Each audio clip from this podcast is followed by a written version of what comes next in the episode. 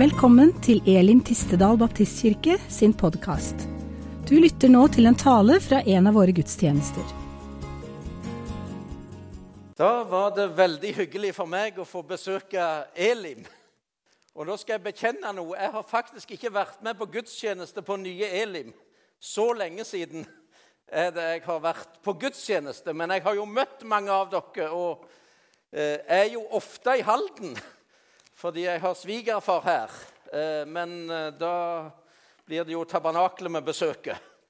Men jeg traff Inga og Mona her, og de sa nå må du komme til Elim en tur.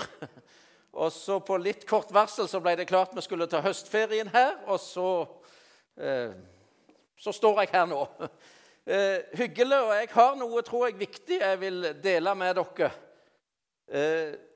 Eh, alle kjenner meg jo ikke like godt, men jeg er jo rogalending. Og hvis noen er rogalendinger, så syns de nok jeg prater litt rart, men jeg har lært meg til å snakke et sånn normert bokmål når jeg passerer Kristiansand, for at folk skal forstå. Jeg er gift med Tone fra Halden. Vi har en voksen fostersønn. Og så bruker jeg å si jeg har fått mye medynk med Abraham og Sara i det siste. fordi i en alder over 50 år så har i sommer en syvåring flytta inn i fosterhjem hos oss.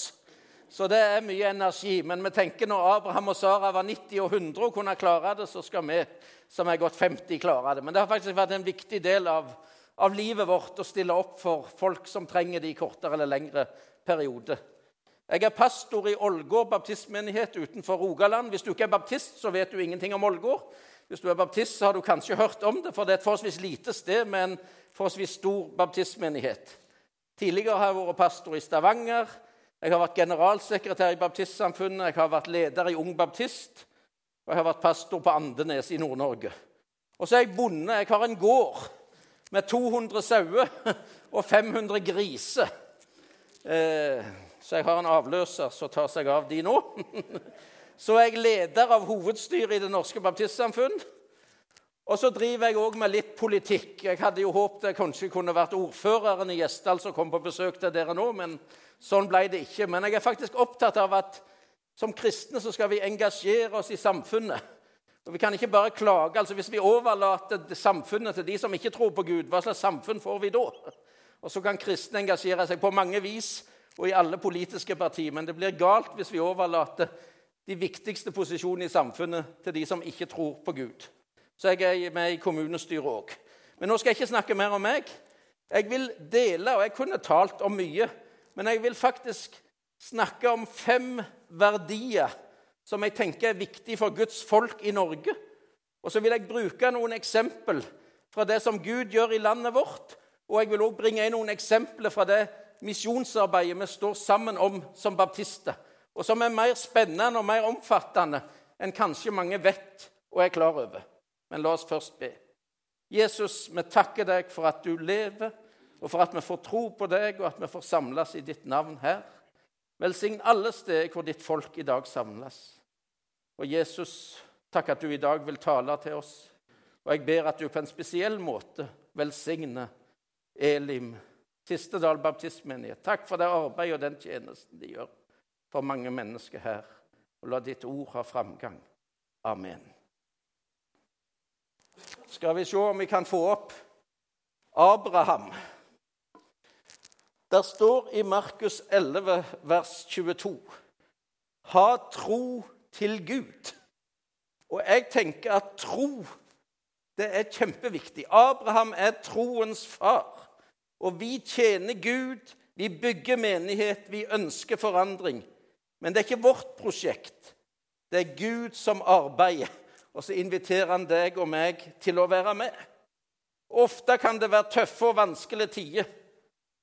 Men det er ikke vi som bærer Gud og Guds rike. Det er Gud som bærer oss. Og det er kjempeviktig at vi hviler i det. Menighetsarbeid og tjeneste kan ha mye til felles med annet organisasjonsarbeid. Men det er en åndelig dimensjon i det vi holder på med, som vi aldri må glemme. For når vi arbeider med menighet, så arbeider vi sammen med Gud. Og Gud er alltid miraklenes Gud. Der står at ordet om frelsen er betrodd oss. Det er blitt stort for meg. Det er faktisk det jeg er satt her på jorda for, og du er satt her. Gud har betrodd oss noe viktig som ingen andre er betrodd. Ordet om frelsen. Det handler altså om mer enn fritidsaktiviteter. Det handler om liv eller død, frelse eller fortapelse, rett eller galt, himmel eller helvete. Jeg så en buss fra en menighet i Nigeria. Der er det jo hakket mange hakk mer frimodige enn oss. De hadde en sånn menighetsbuss, og der sto det We'll make it hard for people to go to hell. Vi skal gjøre det vanskelig for folk å gå fortapt. Derfor er vi satt her. Hver liten eller stor menighet i dette land er plassert av Gud for å gjøre en forskjell. Og så må vi da våge å stå for noe. For skal du tjene Gud, så er det ikke alltid veien til popularitet, applaus. Men det er en annen preken. Misjon det handler om å utbre Guds rike. Jesus har gitt oss ett oppdrag gjør disipler. Han har gitt oss et bud om å elske, og han har gitt oss Han ber oss om å være ett. Jeg bruker å si misjonen den står på to føtter. Står du på én fot, så er du ustabil. Jeg har jo en del sånn body mass index. Jeg er jo forholdsvis stor. Eh, og hvis jeg står sånn, så kan hvem som helst prøve mest å komme og vippe meg over ende. For da står jeg stødig. Men på én fot Ofte når vi snakker om misjon, så lager vi et litt sånn Enten så handler det om bare om å evangelisere og fortelle folk om Jesus, eller så handler det bare om å gjøre godt og gode gjerninger og hjelpe folk. Men sann misjon, det handler om begge deler. Det handler om å forkynne evangeliet for alle mennesker. Og så handler det om å gjøre godt mot alle mennesker og mest mot dem som er våre søsken i troen. Så det er ingen motsetning mellom evangelisering og diakoni. Det henger sammen. Begge deler skal vi gjøre, og da står vi støtt, og vi står på Bibels grunn. Og Derfor har òg vårt misjonsarbeid i baptistsamfunnet fokus på begge deler. Litt forskjellig, ulike steder. Kongo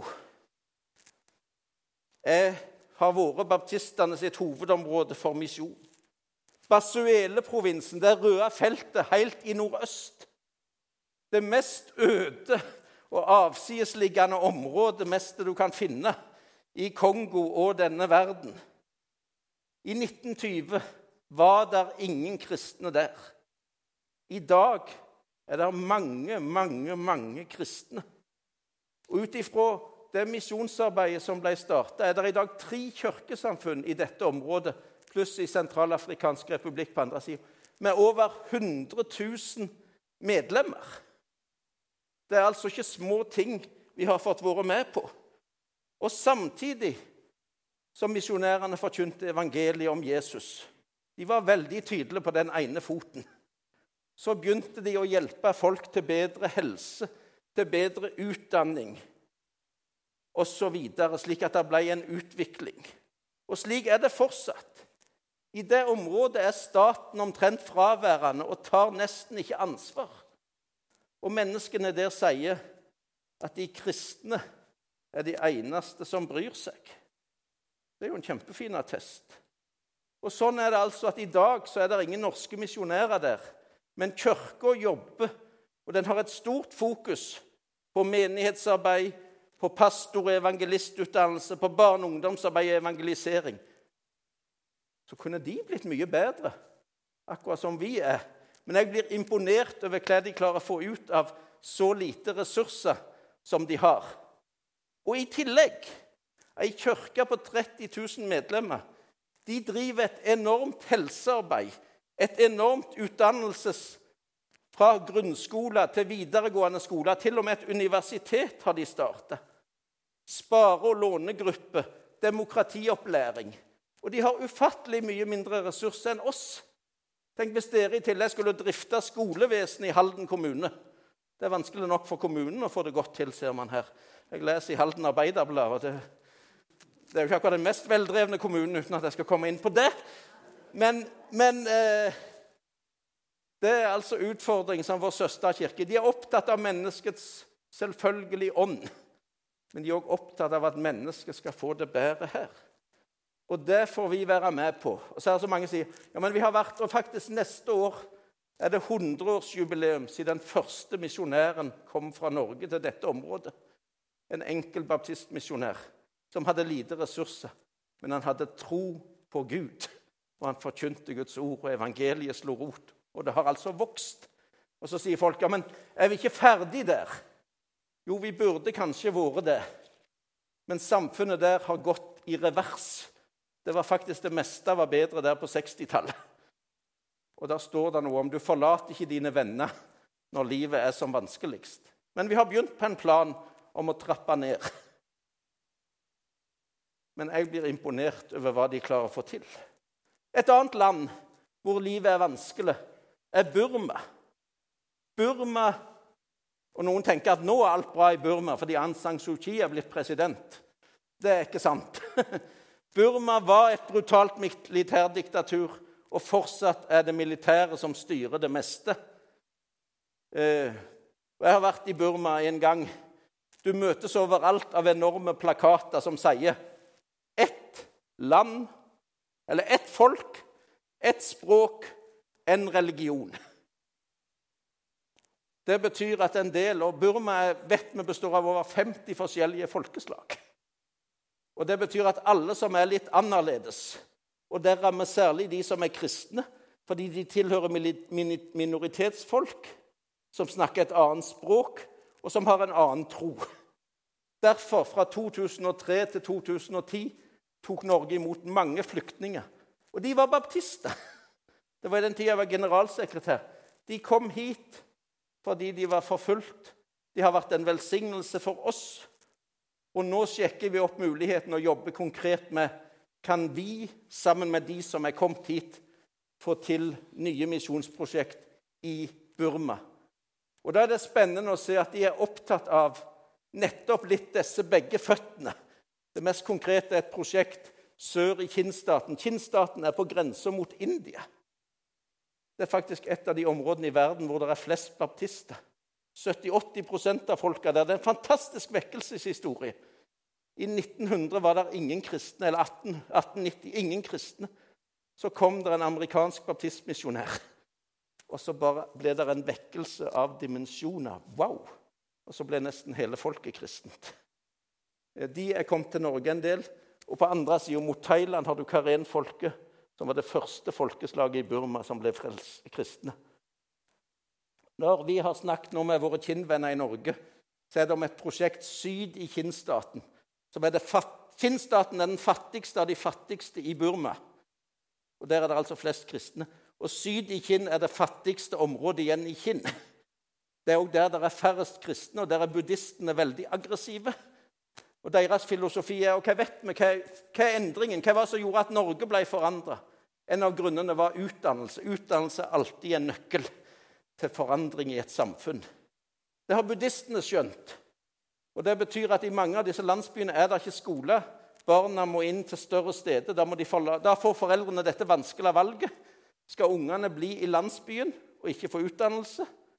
Eller skal vi sende fra oss ungene for at de skal få utdannelse og en bedre framtid, forhåpentligvis? Du kan tenke deg, dere som er mor og far og bestemor og bestefar, hvilket vanskelig valg det er. Og så har buddhistene i de byene hvor det er skoler, bygd internat. Og disse ungene må jo bo et sted. Og Da flytter de inn der, og så er det samtidig en massiv propaganda. Og Derfor skjønner de kristne, og dette har de kristne gjort i Thailand på andre sida. De har satsa stort på kristne internat, hvor både kristne og ikke-kristne elever kommer.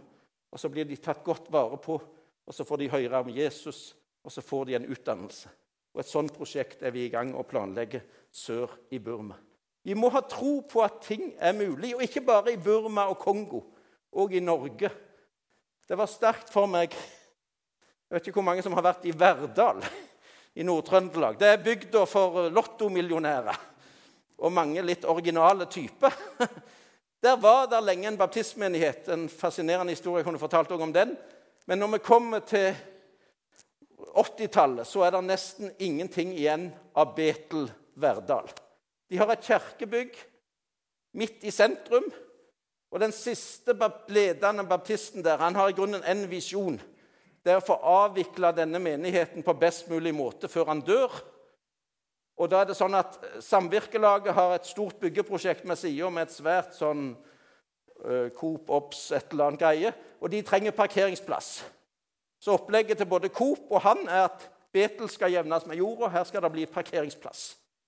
Og Det er hans liksom siste visjon for sitt liv. Og så er Gud forunderlig, og der kommer dette med miraklene og troen. Akkurat som våre venner fra Burma brakte nytt liv inn i mange små norske baptistmenigheter. Så skjedde ikke det i Verdal. Men der flytta altså en familie fra Sunnmøre til Verdal. Og der kommer noen asylsøkere fra Etiopia. Og Betel blir på en måte et samlingssted for en del sånne som ikke finner seg til rette i andre menigheter. Og så blir det liv, og det begynner å bli aktivitet. Og I dag så lever Betel. Betel er pussa opp. Betel er et levende fellesskap. Dessverre så klarte ikke den, den gamle baptisten å glede seg over dette. Han gikk hjem til Jesus med en sorg over at det ikke ble parkeringsplass. Men for meg er det stort, og jeg, møtte, jeg var med i hele denne prosessen. Og For ikke lenge siden møtte jeg igjen noen av de som fortsatt er ledere der, og hører at det fortsatt lever. Sånn er det ulike svingninger og sesonger i Guds rike. Men vi må alltid ha tro på at Gud kan skape noe nytt. Så Gud han gjør alt. Han gjør sitt. Men så må vi òg gjøre vårt. Og da kommer punkt to. Vi må ha en reell vilje til vekst og endring og forandring. Fordi at når Gud vil gjøre noe nytt, så er det viktig at ikke vi fortsetter med det gamle. Når jeg ble generalsekretær i Baptistsamfunnet, så fikk jeg et bibelord som jeg har klamra meg til siden.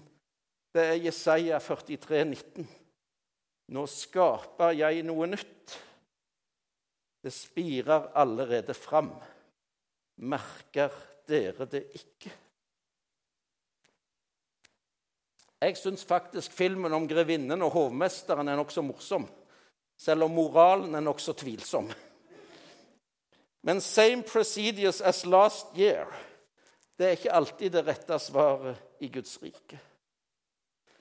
Jeg snakket med en annen pastor. Hun sa det at hun hadde alltid tenkt at bøndene var det mest trauste og tradisjonelle som fantes i dette landet. Og det kan kanskje være. Det er en del av sannheten.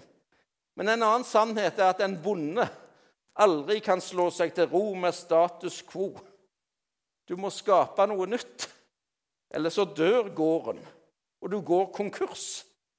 Det hjelper ikke om du har låven full av såkorn hvis det bare ligger der, eller kjelleren full av settepoteter hvis det ikke kommer i jorda. Sauene mine de må få nye lam hvert år, og nye griser må bli født. Ellers er det kroken på døra. Og så holder det ikke bare å så. Du må òg høste. Slik er det òg i Guds rike. Vi skal så raust og rikelig overalt. Og så skal vi be, og så skal vi ha tro, og så skal vi òg prøve å være med og høste. Winston Churchill har jeg illustrert med her. Han sa at det ville koste blod, svette og tårer å vinne andre verdenskrig. Det er ikke det bildet jeg bruker mest. Men vi står faktisk kjære venner, også i en åndelig krig. Og hvis en jordisk krig krever blod, svette og tårer, ja, da var det rart om ikke en åndelig krig, som er enda tøffere på mange vis, ikke skulle være det. Det er ikke alltid så mye som skal til, men vi må være villige til litt endring. Det var noe av det som jeg illustrerte med min venn fra Betel i Verdal. Han ba jo like mye som alle oss andre om vekkelse. Men han klarte ikke å se at svaret kom på en annen måte enn han hadde sett for seg. Og Slik har det vært for oss òg i baptistsamfunnet. Vi hadde ikke trodd at immigrantene skulle være en så stor del av nøkkelen til vekst og liv. Jeg var nettopp i Bergen baptistmenighet. Jeg hadde min første sommerjobb, eller min første pastorjobb hadde jeg når jeg hadde sommerjobb i Bergen i 1990 mens jeg gikk på og studerte teologi. Da hadde de et ærverdig, gammelt kirkebygg. og mange gamle medlemmer. Litt senere hadde de solgt kirkebygget, og de hadde nesten ingen medlemmer. Så har de fått et nytt kirkebygg fordi tomta var verdifull. Og nå er det et levende, flerkulturelt voksende fellesskap av masse mennesker. Det er mulig. Ålgård, hvor jeg er pastor, så har vi hatt en lang prosess om hvordan vi skal feire gudstjeneste, og om når vi skal feire gudstjeneste. Altså Det å komme sammen som kristne det er faktisk ikke en valgfri aktivitet. Det er en av de få tingene Gud ber oss om å gjøre. Når dere kommer sammen, sier Jesus, så er jeg midt iblant dere. Og Vi måtte ta et grep på Ålgård. Hadde vi i 100 år en tradisjon av at hovedgudstjenesten var halv åtte søndag kveld. Det var tilpassa bøndene, som da var ferdig med alt. Og så var det nok også kanskje sånn Folk gikk, de hadde helge, og så gikk de på møte som en ladestasjon, og så gikk de ut i uka og tjente Gud og sine medmennesker. Men det var etter hvert et veldig dårlig tidspunkt, ikke minst for familie. Og Vi måtte ta noen grep. Samtidig så likte folk så inderlig godt, og særlig de som var 50 pluss, de likte så veldig godt disse kveldsmøtene. Og Vi måtte ta et grep. Skulle vi samle gudstjeneste når vi likte det best? eller når vi samla mest folk, fordi det kom mest folk på formiddagen etter hvert. Skulle vi legge opp gudstjenesten for de som alltid hadde vært der, eller for de nye som begynte å komme, og som vi ville skulle finne sin plass der? Og vi tok et valg. Vi sa vi vil ta mest hensyn til barna og deres foreldre, altså de som er opp til 45 år. Og så har vi den mest originale, eller vi har en gudstjenesteform som ikke så mange andre har. Vi har faktisk søndagsskole den første halvtimen, hvor de voksne er med på søndagsskolen. Og Noen syns det blir mye ballongfaktor. Men vi er jevnt over. Vi er oftere over 100 på formiddagen enn vi er under 100. Og For noen år siden var vi oftere 50 enn vi var mer enn 50. Så det er skjedd noe. Og Gud Gud velsigne det. Vi gjør noen små grep, og så har vi tro til Gud, og så forkynner vi evangeliet. Og så skjer det noe. Og så er det noen som sier ja, men er ikke de eldre viktige? Jo, kjære venner, de eldre er jo det viktigste og flotteste ressursen man har i en menighet. Men det er jo litt sånn, Jeg sier jeg har fått mye medynk med Abraham og Sara. Det sa jeg nettopp. Men når vi nå har fått en syvåring i huset, så setter faktisk han utrolig mye av dagsorden. Det er ikke lenger sånn at vi som liksom hadde meldt oss til å leve uten barn liksom, Vi må gjøre ting på en litt annen måte, meg og Tone nå. Det er krevende, men det bringer jo inn en liv, en begeistring og en friskhet som vi ikke hadde når vi to og katten satt alene i huset. Og litt sånn i menigheten òg. Og så har jeg jeg er så heldig at vi har noen som er mye mye bedre på barn og familie enn meg. Jeg er ikke veldig god på det. Så jeg har brukt masse tid på de som er 50 pluss, på å si at dere er viktige. Kjempeviktig at dere er der, at dere ber. Og så lager vi andre samlinger. Noe av det vi har gjort, at vi har lørdagstreff med grøt. Og så tenker vi alltid vi må gjøre ting i kirka når vi skal tjene Gud. Nei, vi trenger ikke det. Vi har lørdagstreff med grøt på det lokale bo- og aktivitetssenteret. Det begynte med at det en gang var en hel fløy med eldre enker i menigheten som bodde der. De er hjemme hos Jesus alle nå. Men når vi koker grøt og innbyr til litt sang og musikk og utlodning og litt, så samler vi 50, 60, 70, 80, 90 eldre mennesker i sentrum. Bare få av de hadde kommet hvis vi var i kirke. Vi har fått ny ungdomspastor, og han var med på en av disse her. Og de sa 'Stakkar, drar du med deg ungdomspastoren på dette?' Han kan jo bli skremt. når jeg sier men du skal, tjene, du skal vite noe om helheten. For Hvis du er ungdomspastor og ikke tåler de, å være litt med de eldre og spise grøt, da er du ikke sikkert du er egnet til tjeneste. Så må være, vi må være fleksible i Guds rike. Så betyr ikke det at det er ikke stillingsinstruksen hans å koke grøt. Men, men han sa det var, det var flott å kunne være på et offentlig sted og allikevel så frimodig forkynne evangeliet. Og så er vi heldige at vi er i Rogaland ennå, vi er litt i bibelbeltet. Hos oss diskuterer man ennå ikke verken skolegudstjeneste. Det er vår menighet som har tatt over og driver åpen barnehage når kommunen ikke hadde råd lenger. tirsdag, hver mandag og tirsdag fyller vi kirke av småbarnsforeldre osv. Vi, må, vi må være villige til noen grep og så velsigne Gud. Og Derfor må vi òg tenke at misjon er mer enn Kongo. De største utfordringene i misjonsverdenen i dag er to områder. Det er muslimske verden, og det er den vestlige verden. Der kommer mange muslimer til Norge. Vi må se på det som en misjonsmulighet. Jeg kjenner ikke mange, men det har vært fascinerende å møte mennesker som Gud taler til i drømmer, muslimer, som plutselig ser og hører Jesus. Altså Når jeg drømmer, så er det bare kaos. Jeg har aldri opplevd at Gud har vært i nærheten av å minne meg om noe viktig i en drøm enda. Men jeg har møtt og fått sånn respekt, og Bibelen taler jo om at Gud taler i drømmer. Jeg har møtt mennesker på flukt på vanskelige forhold som bare er så trette og lei av sitt, sin bakgrunn og det muslimske harde systemet. Og så taler Jesus til dem, og så kan vi få lov å ta imot dem. Vi hadde Menighetsviken sist, sist helg. Vi har et eget leirsted. Akkurat som dere har Konsjøbukta, så har vi Liland.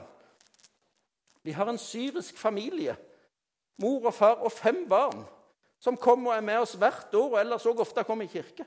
De er fortsatt muslimer. Jeg skulle ønske jeg kunne sagt at de var blitt frelst. Ikke ennå, men jeg tror de skal bli det. Men de er med.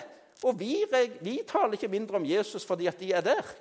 Men både mor og de to eldste døtrene har hijab og hele greia. Men de er med, og vi taler om Jesus. Og de minste barna Vi hadde nadvær på siste samling. Da kommer de, og jeg sier veldig tydelig hva, altså Skal man si ja, forstår barn nadværen? Nei. Forstår du nadværen? Forstår du fullt og helt hva Jesus har gjort? Nei, det er et mysterium. Men Jesus inviterer. Og da å se de små syriske barna komme uten at mamma og pappa stoppet dem, det er misjon. Det er misjon på hjemmebane. Vi har et par voksne menn som er kommet hakket lenger. De er tydelige på at vi, nå er vi kristne. Så har vi en stor verden. Sierra Leone, et land, lite land i Vest-Afrika. Der, fått, der møtes muslimer fra nord og kristne fra sør. Så er det sånn at det er noen mennesker som Gud på en spesiell måte utruster. Det fins en talentfull mann der som heter Philip Kamara. En gründer, en evangelist. Han har starta flere menigheter i dette området, og muslimer blir frelst. Og ungdommer får håp. Tyrkia er et spennende land midt mellom øst og vest, mellom, mellom Europa og, og, Midtøsten. Det var jo der det begynte. Menigheten i Johannes' åpenbaring. De var alle der. Vi kjenner Smurna.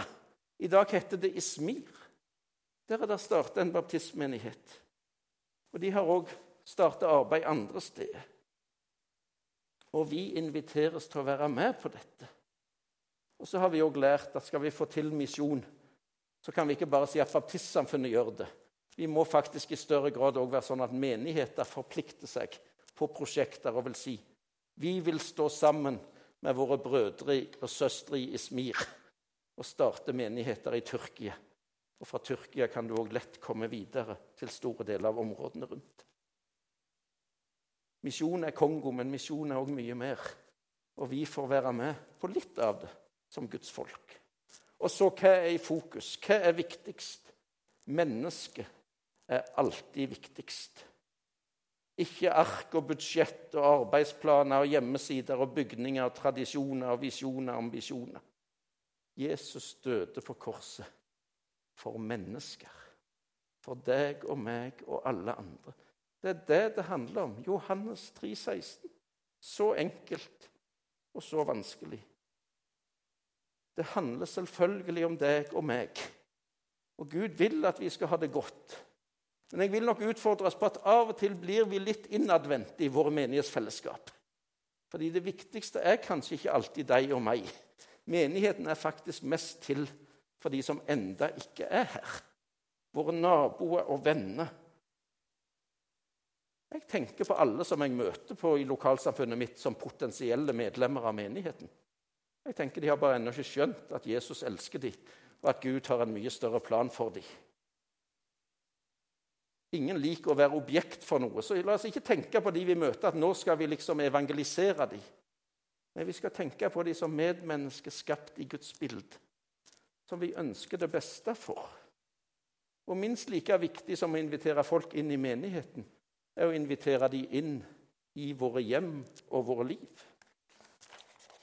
Kanskje du blir litt lei av å høre om Ålgård, men jeg må si litt til.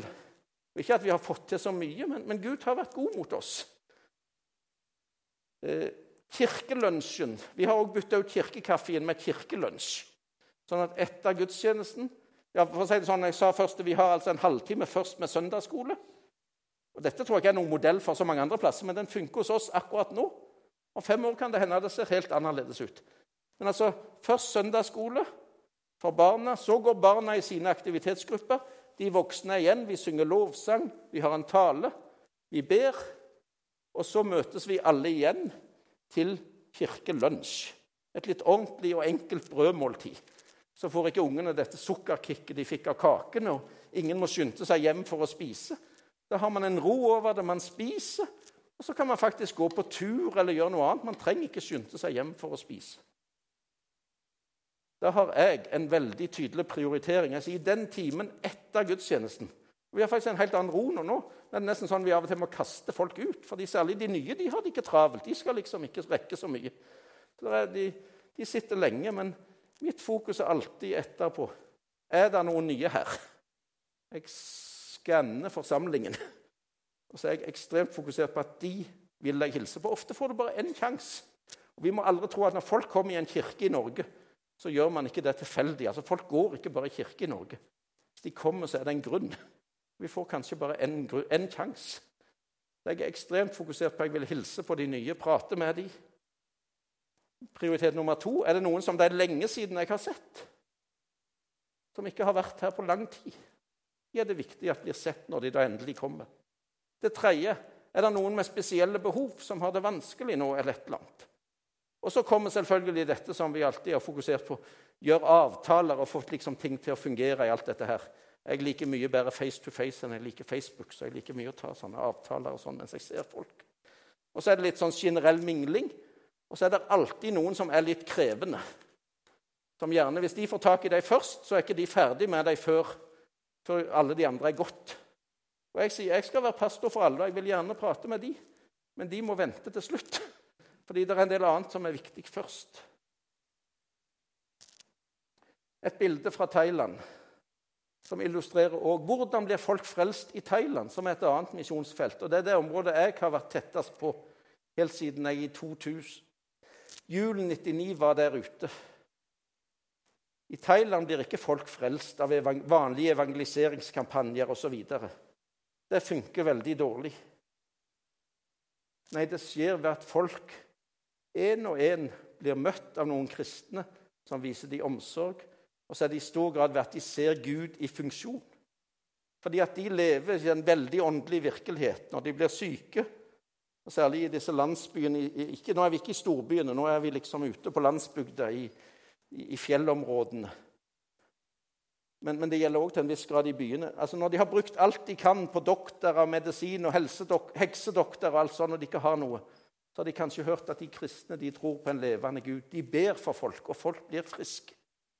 Og når de ikke har noe annet, så, så, henvender de seg, eller så kommer det en enkel evangelist til landsbyen som hilser på dem, som spiser med dem, som ber med dem. Og Gud griper inn. Og de blir frelst. Og de ser Gud i aksjon. Og de opplever at Gud tar omsorg. Gud er ikke bare en som krever, som du må ofre til, som du må frykte. Nei, Gud bryr seg om deg. Og så erfarer man at det er noe helt annet.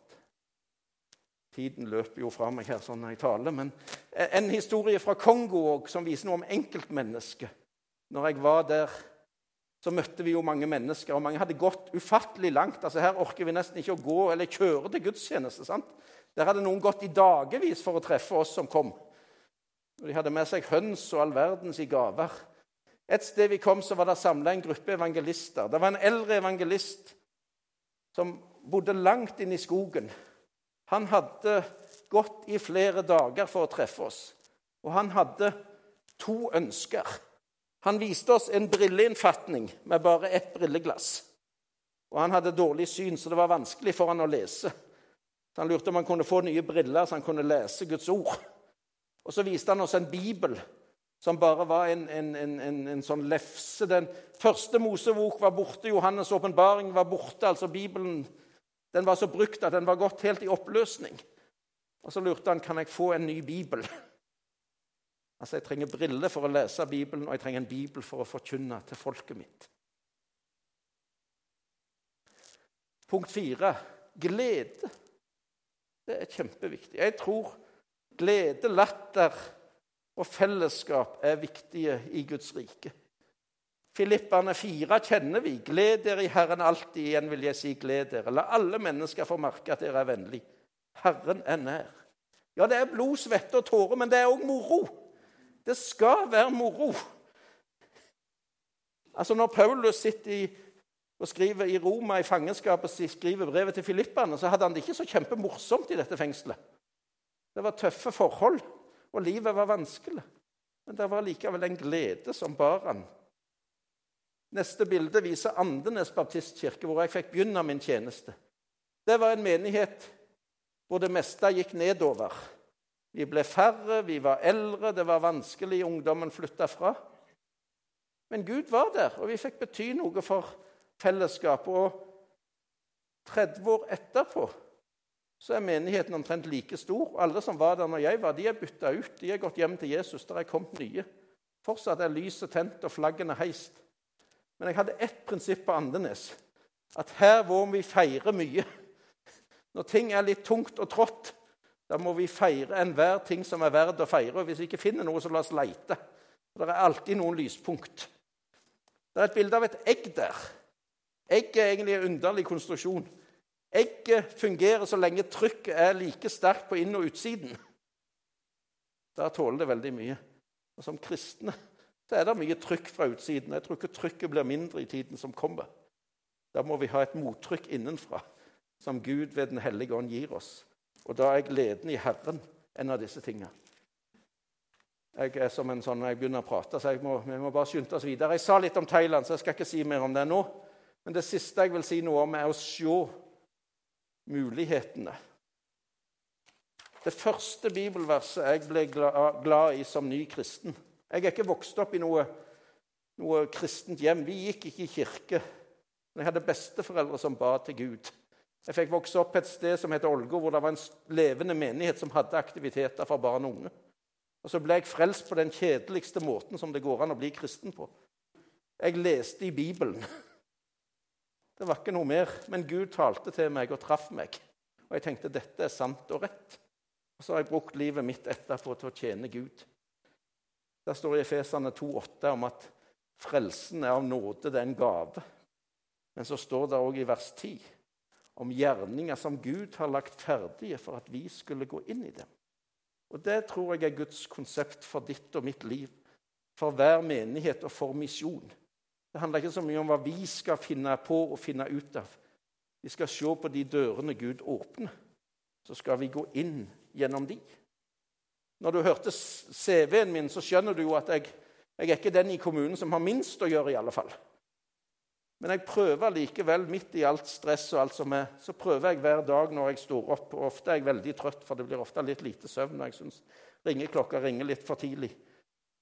Så prøver jeg allikevel å spørre, og jeg har masse planer. Kona mi sier du er alltid altfor optimistisk. Du tror du skal rekke over så mye hver dag.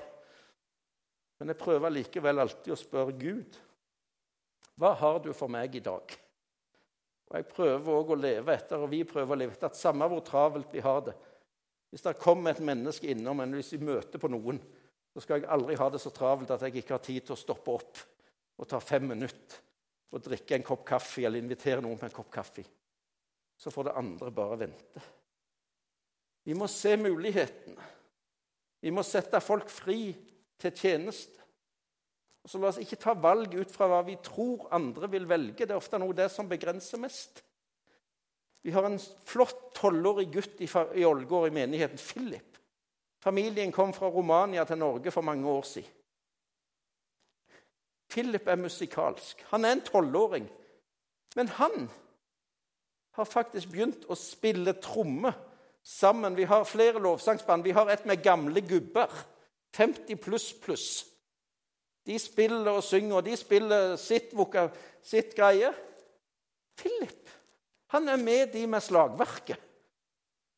Jeg tenkte ja, men du kan ikke spørre en tolvåring om sånt. Men vet du hva, Han har det kjempe. Og de mennene trives også så godt med han.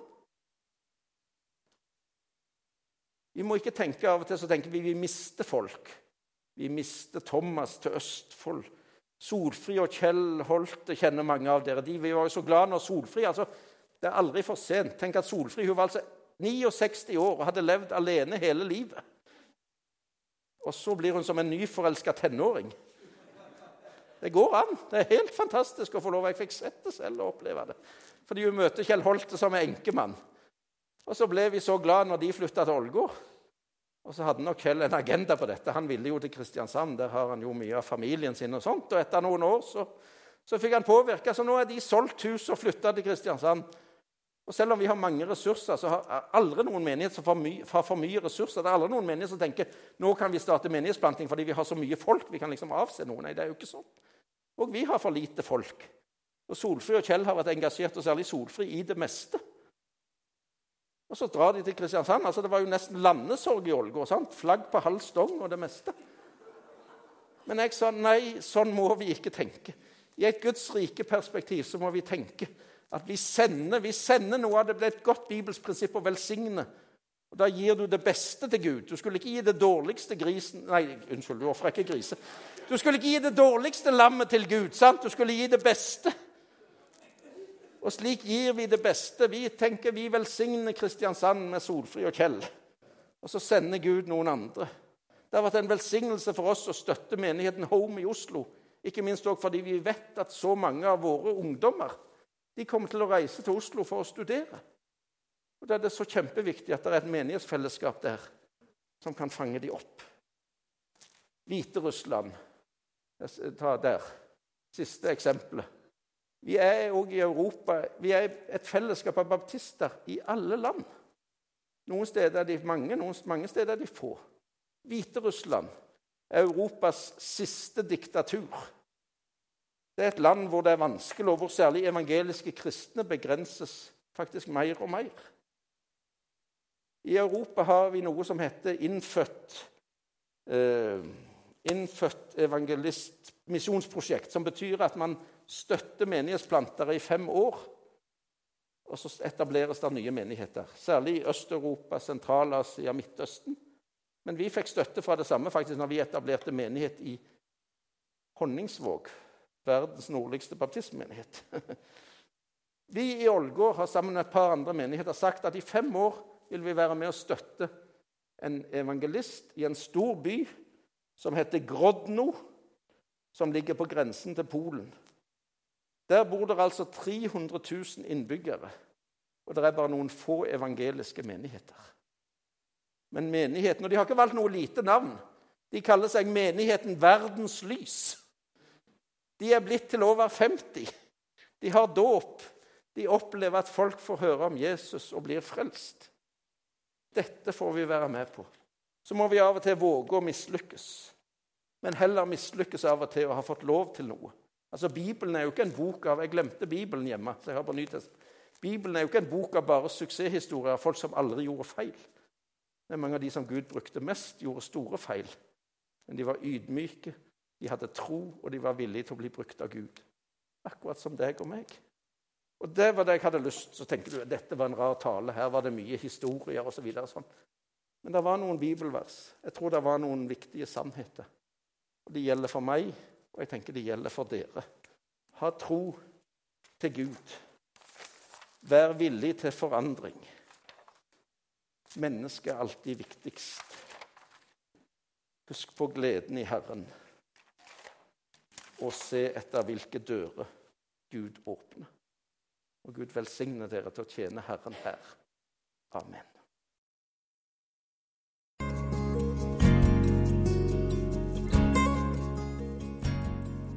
For at du lyttet til denne talen. Håper du ble inspirert. Ønsker du å vite mer om hvem vi er og hva vi gjør? Sjekk ut vår hjemmeside elintistedal.no.